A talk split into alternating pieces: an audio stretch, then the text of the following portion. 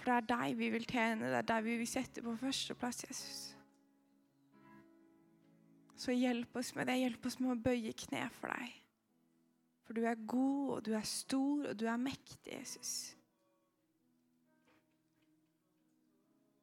Å, vi elsker deg. Takk for at du elsker oss så høyt. Amen.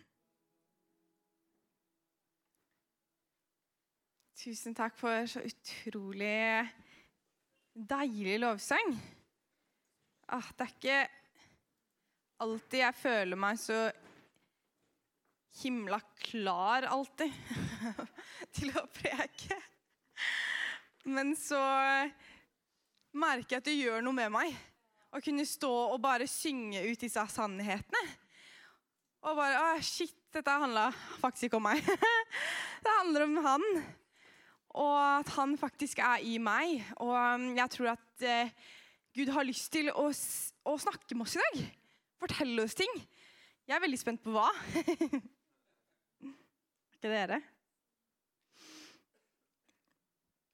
Når um, jeg, etter at jeg begynte i Troens bevis, og spesielt når vi har jobba med dette Ingen utelatt-prosjektet, som har vært spesielt da, for disse eh, barna med funksjonsnedsettelser, som blir utelatt fra samfunnet sine. Veldig mange blir ofra, drept, de blir utstøtt. Familiene blir utstøtt. Fra kirker også. Så er det så bare så tydelig for meg da, når spesielt Rune forteller om når han er der nede og strekker ut en hånd, holder disse barna Spesielt han 18 år gamle gutten som har bare ligget i et skur og aldri blitt holdt i hele sitt liv. Og som for første gang bare får et møte med kjærligheten, så blir jeg bare sånn For en kontrast da, til det samfunnet de er en del av. Og det har fått meg veldig til å tenke hvordan er vi en kontrast i samfunnet vårt i dag? For det er jo ikke sånn at normen i Norge i dag er at barn blir satt ut på gata for å dø, på en måte.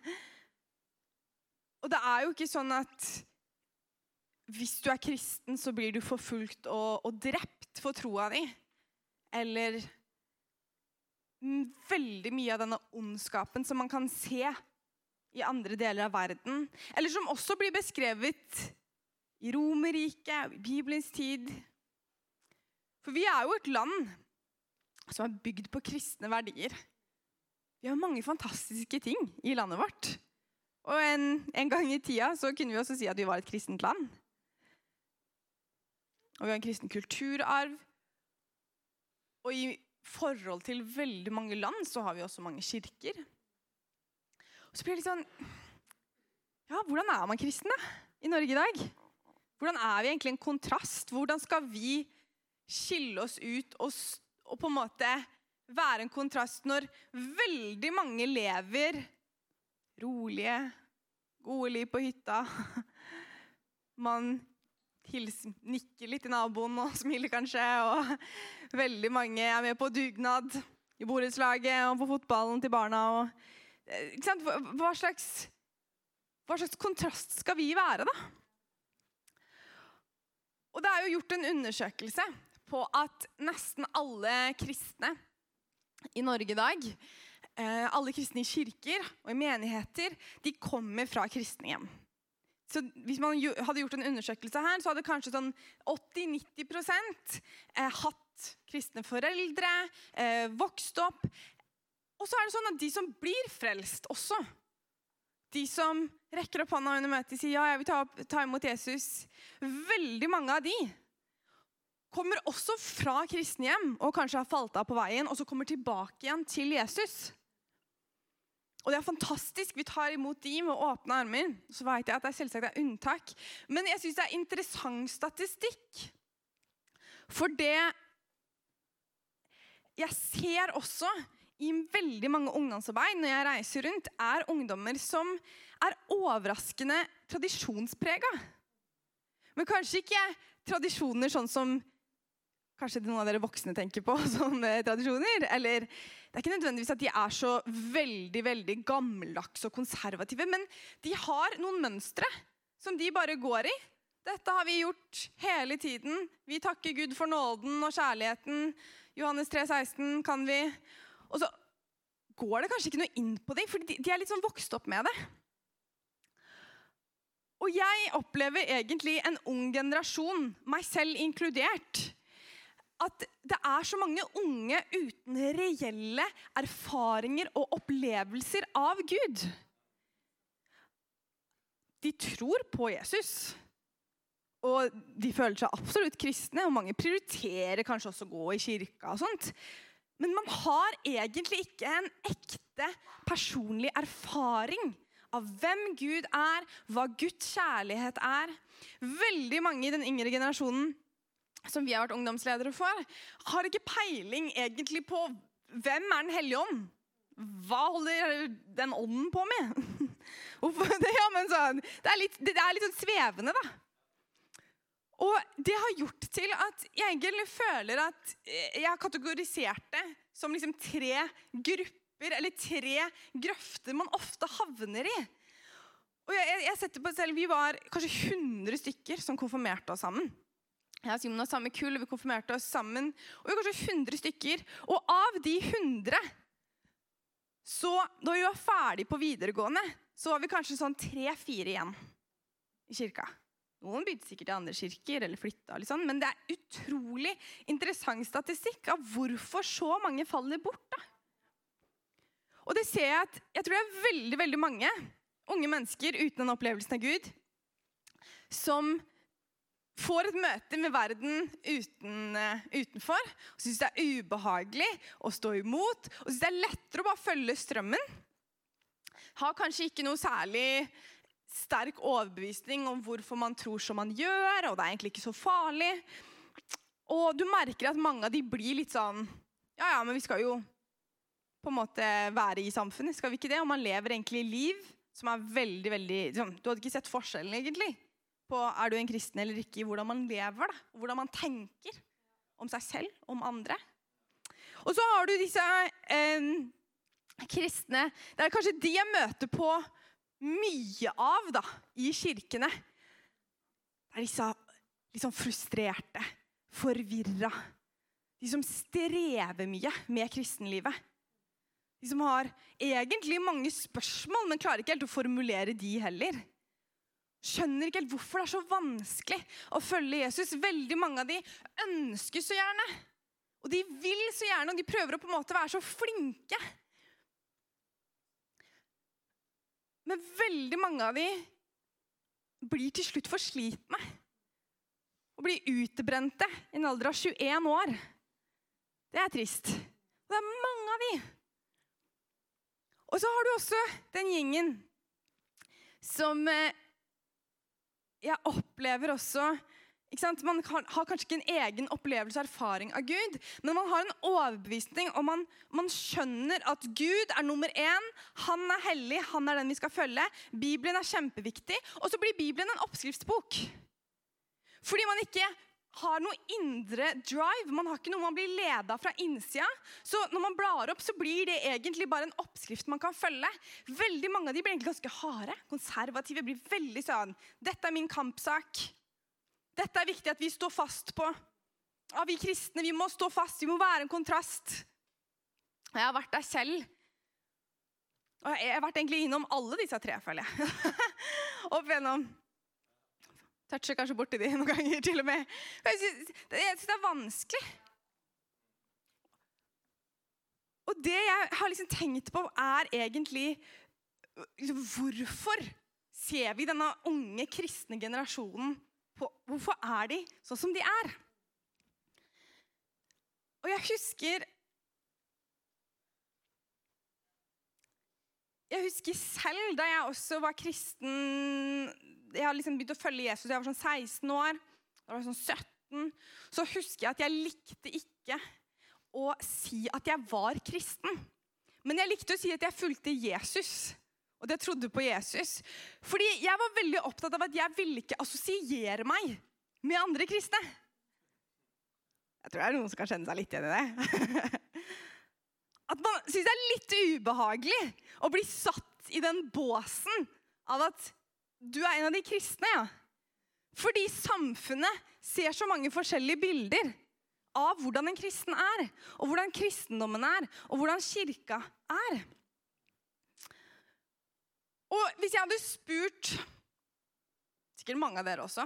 Hvis jeg hadde spurt eh, mine venner som ikke er kristne eller Hvis vi hadde tatt en undersøkelse i samfunnet, hva er det dere tenker om hvordan kristne er?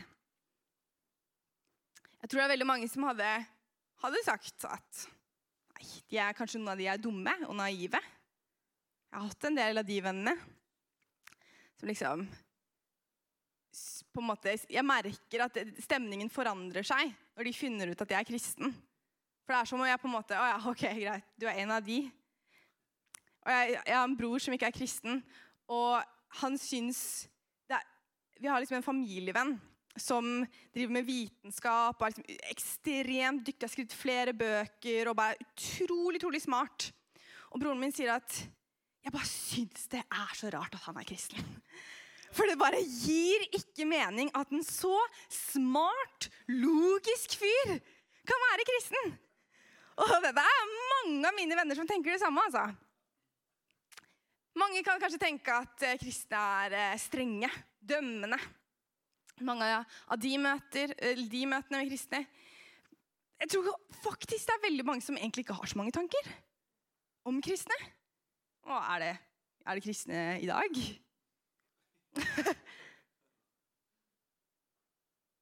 Og så kan vi le litt av det, men jeg har venner som fikk helt sjokk da de så den ene Instagram-posten min. Det var noen år siden. Jeg la ut et ungdomsmøte hvor vi var 100 ungdommer samla. Det var liksom sånn, ja, det var liksom hoppestemning, og jeg husker jeg bare la ut en sånn ungdomsmøte. Det ble sånn Fins det så mange kristne ungdommer? Så helt seriøst. Og det var ikke liksom noe sånn tull. Fins det så mange kristne ungdommer? Og jeg syns det er så fascinerende at det er et så stort skille da, mellom disse her som ikke har vært nærmest toucha borti kristendommen. Aner egentlig ikke hva den handler om, fordi du får jo ikke vite noe om det på skolen lenger. Du får ikke vite noe om det fra foreldrene dine, fordi de har ikke vært borti, de tar ikke med barna i kirka lenger. ikke sant? Så det er utrolig fascinerende å se på den ene siden hvordan samfunnet ser på kristne, men også se hvordan kristne ser på samfunnet. Og vi har også vært borti og dette her er, Nå kan jeg bevege meg på litt sånn farlig minnefelt. Men vi har jo mange venner som, eh, inkludert mannen min, da, så jeg føler jeg kan si det, som har gått på kristen grunnskole. Eksempel. og da har man liksom veldig mange av disse her, har kristne venner. De går i kirka i helgene. Og så blir det liksom plutselig en liten sånn boble. Hvor man har litt lite kontakt med omverdenen rundt. Og veldig mange av disse her får seg litt sjokk når de begynner på videregående eller begynner på universitetet. Eller når du begynner på en fritidsaktivitet og begynner å komme i kontakt med mennesker som ikke er kristne. De, de veit nesten ikke hvordan de skal snakke om Jesus uten å bruke alle disse store kristne ordene. Hvordan skal vi forklare hva Jesus har gjort for deg, til en som ikke er kristen og aldri har gått i kirka? Jeg syns det er vanskelig noen ganger òg. Jeg bare merker at jeg er så programmert til å tenke i disse kristne banene.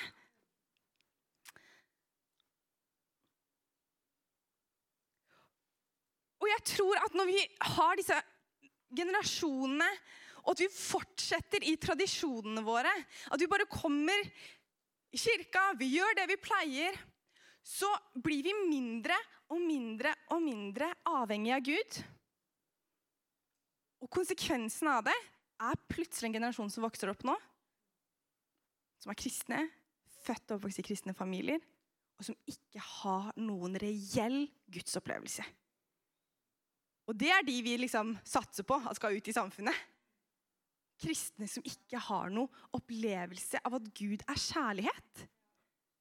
Kristne som ikke har noe opplevelse av at Gud har en plan for dem kristne som ikke har en opplevelse av at de er satt fri. Det er de kristne vi sender ut i samfunnet vårt. Og skal jeg være helt ærlig Når jeg har lest Bibelen Eller når jeg leser Bibelen eh, Så leser vi jo da om jøder og hedninger. Og jeg det var jo sånn at, For å liksom oppdatere dere som eventuelt ikke har satt dere så mye inn i det, så var det jo sånn at jødene, som var Guds utvalgte folk, og så kommer Jesus, og han dør, og han står opp igjen, og så sier han nå skal alle folkeslag, ikke bare de fra Porsgrunn Nå skal alle folkeslag få høre om Jesus og få høre om meg og, få en relasjon med meg.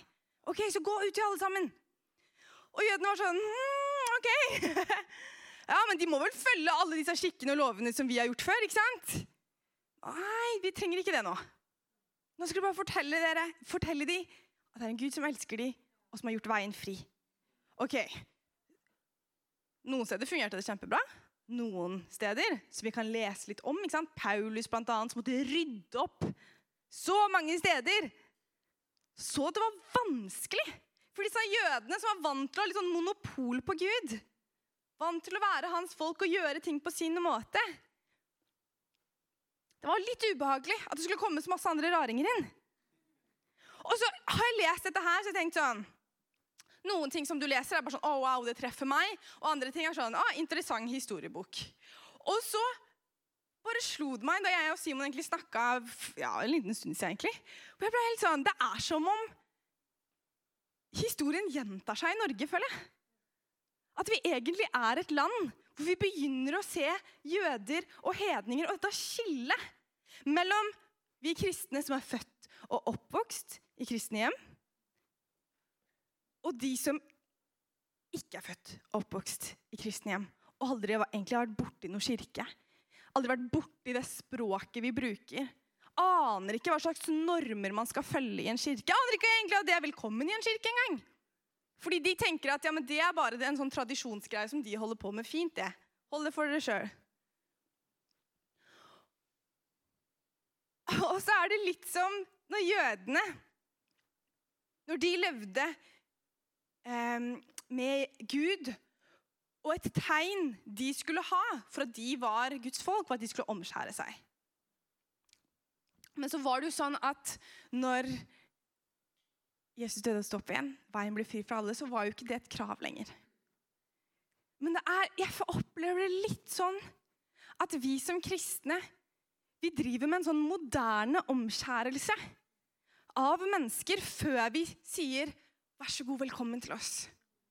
At vi syns det er litt ubehagelig med disse upolerte menneskene som kler seg annerledes, som snakker annerledes, som tenker annerledes. som bor med folk av det motsatte kjønn, kanskje har bytta kjønn. Folk som har yrker som vi rister på huet av. Folk som har lagt ut hele kroppen sin på nett. Åh, det er liksom Skal du være her? Jeg vet, jeg setter det litt på spissen nå, men jeg opplever det mange steder. Og skal jeg være helt ærlig, statistikken viser jo at vi sliter med å nå samfunnet rundt oss. Hvis de eneste, majoriteten av de som blir frelst og kommer i kirka og går i kirka, kun er de som kler seg som oss, snakker som oss, har den samme bakgrunnen som oss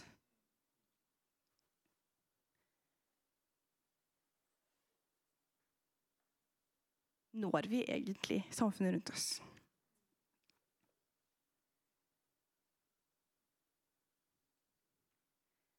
I Romerne kapittel 3 så står det, og vers 29 da kan komme opp på skjerm Er vel Gud bare jødenes Gud? Er han ikke også Gud for andre folkeslag? Er vel Gud bare Gud for oss som har vokst opp i kristne hjem? Er han bare Gud for oss som kan lovsangene, snakker det samme språket, Gud er én, han som rettferdiggjør omskårne av tro og uomskårne ved samme tro.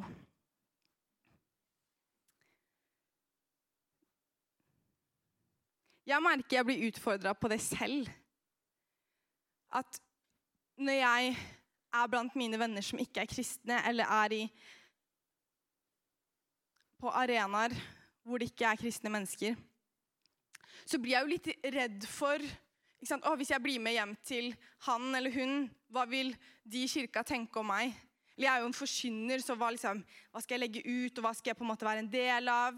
Og noen av disse prosessene er absolutt greie å ha, men jeg merker at blir jeg mest drevet av frykt for hva andre kristne vil tenke? Og hva kirka vil tenke? Eller blir jeg til syvende og sist drevet av hva jeg opplever Jesus kaller meg til? Og hvem Jesus kaller meg til? Det å være en kontrast og noe annerledes i samfunnet handler ikke om at vi skal liksom være en kirke plassert på et fjell høyt oppe, bort fra alle andre, som folk bare kan gå rundt og titte opp og tenke at der holder de på. Og som skal være supervanskelig å nå opp, for du må over en bro og gjennom en elv og full pakke og klatre opp tre mil. Og så må du gjengi en del bibelvers før du får lov til å komme inn. Og jeg tror det oppriktig er litt sånn folk opplever det å komme i kirka. Og skal jeg være helt ærlig, da har du ikke så mye å si. Hvis jeg tenker at ja, men jeg, jeg ønsker å være velkommen, ja, men min kirke er jo, er jo, absolutt åpen for alle. Det står jo 'du er velkommen' på et skilt der ute. Det står jo 'velkommen hjem'. Hallo! Du må jo skjønne det. Men hvis de vi skal nå, ikke opplever at de er velkommen, så må vi jo gjøre noe med strategien vår. For det er jo de det handler om. Ikke hva vi er komfortable med, eller hva vi har gjort i alle år, eller hva vi liker og ønsker. Vi burde jo være en kirke som absolutt Ja, vi kristne vi skal samles og vi skal styrke hverandre. Vi skal be sammen og vi skal løfte opp Gud. Men det er jo også for at vi skal ut dit til de. Sånn at de kan få en opplevelse med at Gud er kjærlighet. Og hvordan var det Jesus møtte de rundt seg? Det er to eksempler jeg liker veldig godt. Og Det ene er kvinnen ved brønnen. Hvor Jesus går opp til henne, og det første han spør om, er om hun kan gi han vann. Han spør om noe. 'Hei, kan du hjelpe meg?' Kan jeg få noe av deg? Vi skal ikke snakke sammen, vi skal egentlig ikke bli sett sammen. Du er en kvinne, du er en samaritaner. Og du har helt sikkert en historie også, som gjør at du er her alene midt på dagen. Men Jesus møter henne. Han snakker med henne. Og han gir henne en invitasjon til å komme inn i livet hans ved å gi han vann. Og så blir den invitasjonen til en samtale. Og så blir den samtalen til en guddommelig inngripen i livet hennes. Hvor hun faktisk blir en av de første evangelistene. Er ikke det sjukt? Noen som noen andre bare hadde gått forbi. Eller tenkt nei, jeg må ha med meg en annen dame og en annen mann også, fordi her er det mye som kan misforstås. Og jeg vet at jeg tråkker på litt miner her, for det er jo absolutt ikke dårlige ting å tenke på, men hvis det er det som styrer oss, hvis det er disse reglene og tradisjonene våre som holder oss borte fra mennesker, som holder de borte fra Gud, så må vi tenke litt over hvorfor vi gjør det vi gjør, og hvorfor vi tenker sånn som vi tenker. Og så er det jo også fantastisk hvordan Nikodemus, som er en religiøs fariseer, og som har liksom en god status i synagogen, rik businessmann Han vil også møte Jesus. Men, men helst om natta, sånn at ingen, ingen kan se oss. Sånn at ingen kan misforstå. Og jeg tror kanskje jeg også hadde tenkt litt sånn Men herlighet, hvis du først skal møte Jesus, så må du være stolt av det. At Jesus ikke er sånn Jeg møter deg på betingelsen av at vi skal gjøre det i synagogen. Sånn at du kan vise for alle sammen at nå vil du prate med meg. Jeg bare liker så godt at Jesus møter mennesker der hvor de er. At Han var ikke komfortabel med å møte Jesus på dagen. Og Jesus er ikke sånn Skjerp deg! Det der er ikke bra. Men han møter han der hvor han er. Og det syns jeg også Paulus utbroderer så utrolig fint i første Korinterbrev. Og de versene skal vi lese sammen nå. Enda jeg er fri og ikke underlagt noen, har jeg gjort meg til tjener for alle, så jeg kan vinne så mange som mulig. For jøder har jeg vært som en jøde for å vinne jøder. For dem som er under loven, lever jeg som om jeg var under loven, for å vinne dem, enda jeg selv ikke er under loven. For dem som ikke har noen lov, lever jeg som om jeg var uten lov, for å vinne dem enda jeg ikke er uten lov for Gud, men er bundet av Kristi lov. For de svake er jeg blitt svak for å vinne de svake. Og for alle er jeg blitt alt! Hallo! Hvor sjukt er ikke det egentlig? For alle er jeg blitt alt for på alle mulige måter å frelse noen. Han kommer ikke til å frelse alle engang. Men bare noen. Jeg vil bli alt for alle, for at i hvert fall noen skal få møte Jesus. Men alt gjør jeg for evangeliets skyld, så jeg selv kan få del i det. Alt gjør jeg for evangeliets skyld. Det er bare en sånn overskrift jeg kjenner jeg har lyst til å ha i livet mitt. At alt gjør jeg for at folk skal få møte Jesus. Så om jeg drar dit, om jeg henger med de, om jeg er venner med dem, så har jeg lyst til å tenke hvordan kan jeg møte de? For at de kan bli kjent med Jesus. Og jeg har ikke lyst til å bli drevet av menneskefrykt. Heller ikke frykt for hva kristne vil si, og hva kirka vil si. Og jeg vet at Vi ofte prater om menneskefrykt for hva samfunnet vil si, men jeg merker jeg noen ganger kan bli mer drevet av oh, hva vil de kristne tenke om meg. Hvis jeg er med de, eller hvis jeg gjør sånn, eller hvis jeg snakker med dem. Og jeg bare kjente det skikkelig, eh, spesielt da jeg og Simon var i Mali. Eh, og Mali er et veldig sånn muslimsk, konservativt land. Og eh, Jeg var med på en misjonstur gjennom Trons bevis, og så ville de at jeg skulle preke. Eh, og bare i de kirkene som var der, så var det radikalt i seg selv. At jeg som en ung Jeg var jo et barn ikke sant, i deres øyne. Skulle preke. Og en jente! ikke sant, Det var sjukt. Og, men det tenkte jeg at ok, greit, men det gjør vi. Men så var de litt spent på at én ting var liksom de kristne, som var litt sånn hm, ok, greit, vi gir henne en sjanse.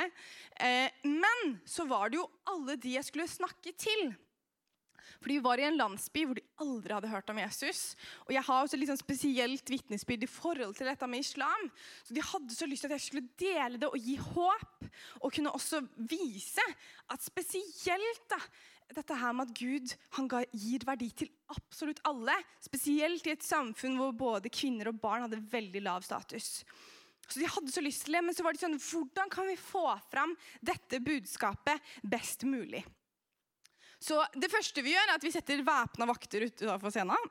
det, det, gjorde de. sånn at det liksom, ok, I tilfelle det skjer et eller annet her. Men så tenkte vi at for dem så var det jo så radikalt at jeg som på en måte ung kvinne skulle komme og preke. Så det vi, det vi fant ut sammen, var at det beste er hvis Simon blir med meg opp på scenen eh, i starten, sånn at de kan se at jeg er under autoritet av min mann, og at han godkjenner det budskapet som jeg skal komme med, og at han er fornøyd med det. For da, jeg, liksom, da, da hadde de kanskje dørene litt mer åpne Istedenfor at det bare skulle lukke seg med en gang det kom en kvinne opp på scenen. Og jeg merka og, liksom, og, dere som kanskje også kjenner til min historie litt, og som har også en historie med å ha blitt fri fra mye undertrykkelse, bl.a. i islam og i livet mitt, så kjente jeg bare på en sånn enorm frihet til å bare Vet du hva? Om jeg hadde måttet preke i en burka, så hadde jeg gjort det. For jeg bare kjente at alt for at de menneskene skulle få høre om Jesus. Så jeg driter i meg. Driter i hva slags forpakning jeg kommer i. Eller hvem som må være meg opp og hit og meg hei og alt mulig. Det, jeg bare kjente at det er jeg helt fri fra. For jeg vet at jeg er fri. Jeg vet hvem jeg tilhører, og hvilken autoritet jeg er under. Så hva disse menneskene trenger for å høre om Jesus, jeg gjør hva som helst. Og det er bare en holdning jeg merker at jeg også vil ha med meg her i Norge. En ting er å ha det der nede, hvor alt er litt sånn Det er litt lettere noen ganger. Men å bare komme tilbake til Norge og kjenne at å, jeg vil jo fortsette med det her. At jeg er i utgangspunktet helt fri fra alle menneskelige lover. Jeg er ikke under noen ting utenom Jesus. Så hva han leder meg til, og han, hvem han vil at jeg skal gå til Jeg ønsker å være og nå de. Gå ned på deres nivå. For at flest mulig skal få kjenne han. Det å bli kristen handler ikke om en livsstilsforandring, men det handler om en åndsforvandling. Og så føler jeg at vi bare har liksom forskjellige forpakninger. Så vi kan bare gjøre litt hva vi vil med for at folk skal få denne åndsforvandlingen også. Og det er heldigvis ikke vår menneskelige kjærlighet som driver oss. Det er ikke vår menneskelige kjærlighet til det samfunnet rundt oss som noen ganger kan være litt vanskelig å elske. Det er ikke vår menneskelige kjærlighet som driver oss til sjefen vår, som driver oss til naboene våre. Men det er den kjærligheten Gud har gitt oss, og som Gud har elsket oss med. Og det er så viktig bare å komme tilbake til. Og det er her jeg vil bare komme tilbake til det jeg delte i starten. Men at når du har unge mennesker som mangler en opplevelse av denne kjærligheten, da blir det vanskelig å være kristen. Da blir det vanskelig å bli alt for alle. Å gjøre alt for evangeliets skyld når du først ikke har denne opplevelsen og erfaringen med Guds kjærlighet. De har Guds ånd, men de trenger denne erfaringen med Jesus. I 1. Johannesbrev kapittel 4 vers 19 så står det at i kjærligheten finnes det ikke frykt. For den fullkomne kjærligheten driver frykten ut. Vi elsker fordi han elsket oss først. Det er ikke noe frykt når vi får lov til å leve med Jesus. Det er ikke noe menneskefrykt. Noe frykt for hva som vil skje med oss, og hva vi tenker. Men jeg tror det er en sånn frihet man får erfare denne opplevelsen. Og det jeg tror da, er at det er så mange unge mennesker, og sikkert ikke bare unge mennesker òg, men nå er det de jeg har vært med. Men vi har en ung generasjon som har mye frykt, som har mye lenker. For man har ikke fått oppleve den fullkomne kjærligheten til Gud. Og det Jeg syns det er utrolig trist. Men så er det også utrolig oppmuntrende å se ungdommer som får den åpenbaringen av at Gud elsker de først. Noe som er så enkelt. Det er jo egentlig det enkleste og tydeligste budskapet i Bibelen, og likevel så er det så fjernt for de kristne ungdommene våre.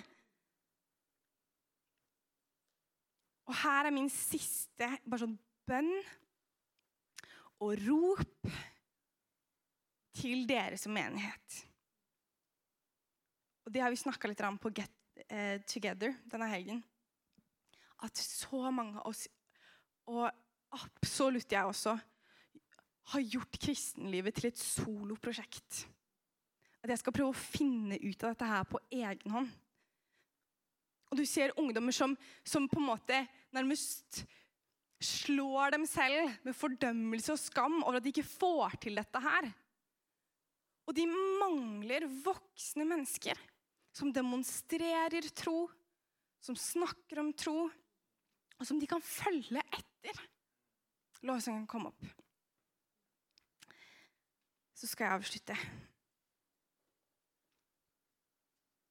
Vi trenger eksempler. Vi trenger forskjellige eksempler, en bredde av det. Ikke bare eksempler fra en som står en gang i uka på scenen og forteller noe. Men vi trenger eksempler i det daglige. Så det livet du lever, hvor du kanskje føler at 'jeg får ikke gjort så veldig mye', hverdagen tar meg, men jeg samler i hvert fall barna til middag. Eller inviterer den kameraten eller den venninna over. Og så ber vi sammen før vi spiser. Eller så kan jeg vise i handlinger hvordan man kan elske hverandre. Hvordan man kan, kjenne, hvordan man kan være sjenerøs mot noen man ikke kjenner. Hvordan man kan vise godhet uten å forvente noe tilbake. For disse enkle handlingene mangler unge mennesker eksempler på. De mangler mennesker som de kan følge etter. Sånn at de kan begynne å følge etter Jesus. Og jeg tror det er sånn Gud har bare skapt det. At vi skal trenge hverandre.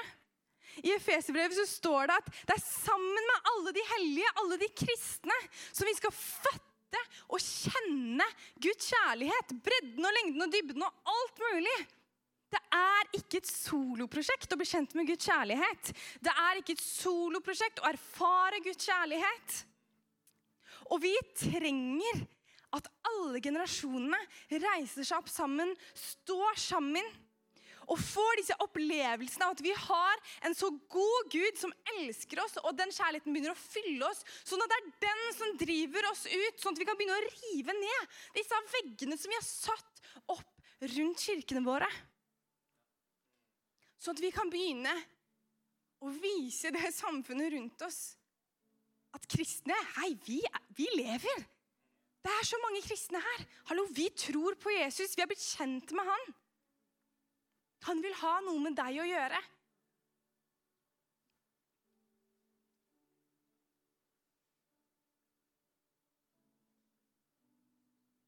Å, vi er så avhengige av hverandre. Og som jeg sa i stad, at Gud driver ikke og deler ut diplomer for de som klarer det sjøl. For de som aldri har spurt om hjelp, og de som aldri har trengt hjelp til å lese Bibel, og hjelp til å be og hjelp til å tro. Han driver ikke og applauderer de. Han vil at vi skal stå sammen. Han vil at vi skal innrømme der hvor vi ikke strekker til. For det er der han sender andre mennesker. Det er der han også kan skinne ut. Der hvor vi ikke når. Kan vi ikke reise oss opp?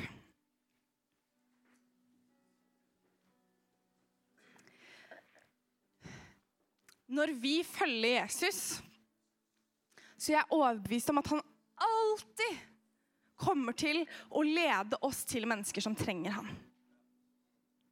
Om det handler om én person i livet ditt eller 100 mennesker, om det handler om hele bedriften din eller datteren din, om det handler om en onkel eller hele fotballaget, om det handler om at du skal begynne som pastor i en kirke eller bli forkynner Jeg aner ikke.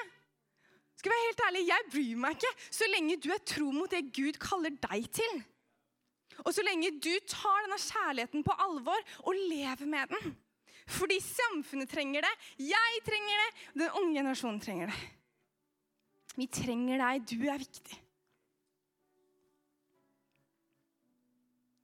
Jeg har bare lyst til å be for eh, denne kirka, for oss som kirke og Jesu kropp. Jesus, takk for den kjærligheten du har vist oss. Hjelp oss med å forstå den. Hjelp oss med å ta tak i den, Jesus. Og jeg bare ber om at dette her skal være en kirke som begynner å ta tak i oss den yngre generasjonen. Hjelper de med å få også den opplevelsen av at du elsker dem, Jesus. Og jeg bare ber om at du skal fylle oss med frimodighet, Fyll oss med sannhet om hvem du er, hva ditt oppdrag er. Og jeg ber om at du skal bryte dette mønsteret om at vi bare når hverandre. Og at vi bare når andre kristne og de som kommer fra kristne hjem. Ja, du elsker alle, Jesus, og hjelp oss også med å nå de som ikke kommer fra kristne hjem. Herre. Hjelp oss med å nå samfunnet rundt oss. Hjelp oss med å være kreative i hvordan vi gjør det.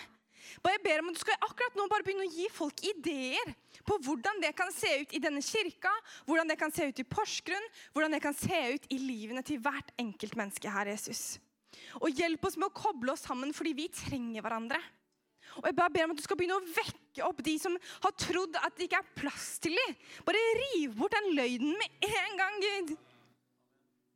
For vi takker deg for at i ditt oppdrag og i din kropp og i din kjærlighet så er det plass til hvert eneste enkeltmenneske. Takk for at du har elsket oss først. Åh, du er så altfor god, Jesus.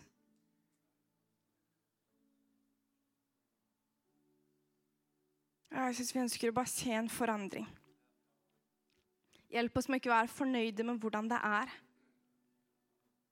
Men jeg ber om at vi heller ikke skal bli drevet av dårlig samvittighet eller skam eller fordømmelse. Vi bare bryter det også nå i Jesu navn. Takk for denne menigheten og alt det de allerede gjør. Jeg ber om at du bare skal forsterke det. At det er så mange her som allerede gjør så mye bra. At du også er stolt av det og fornøyd med det. Du gir det liv, Jesus. Det er du som multipliserer det. Når vi kommer med våre brød og fisker, Jesus, så er det du som gir det kraft. Vi gir ikke det kraft, men det er du som gir det kraft, Jesus.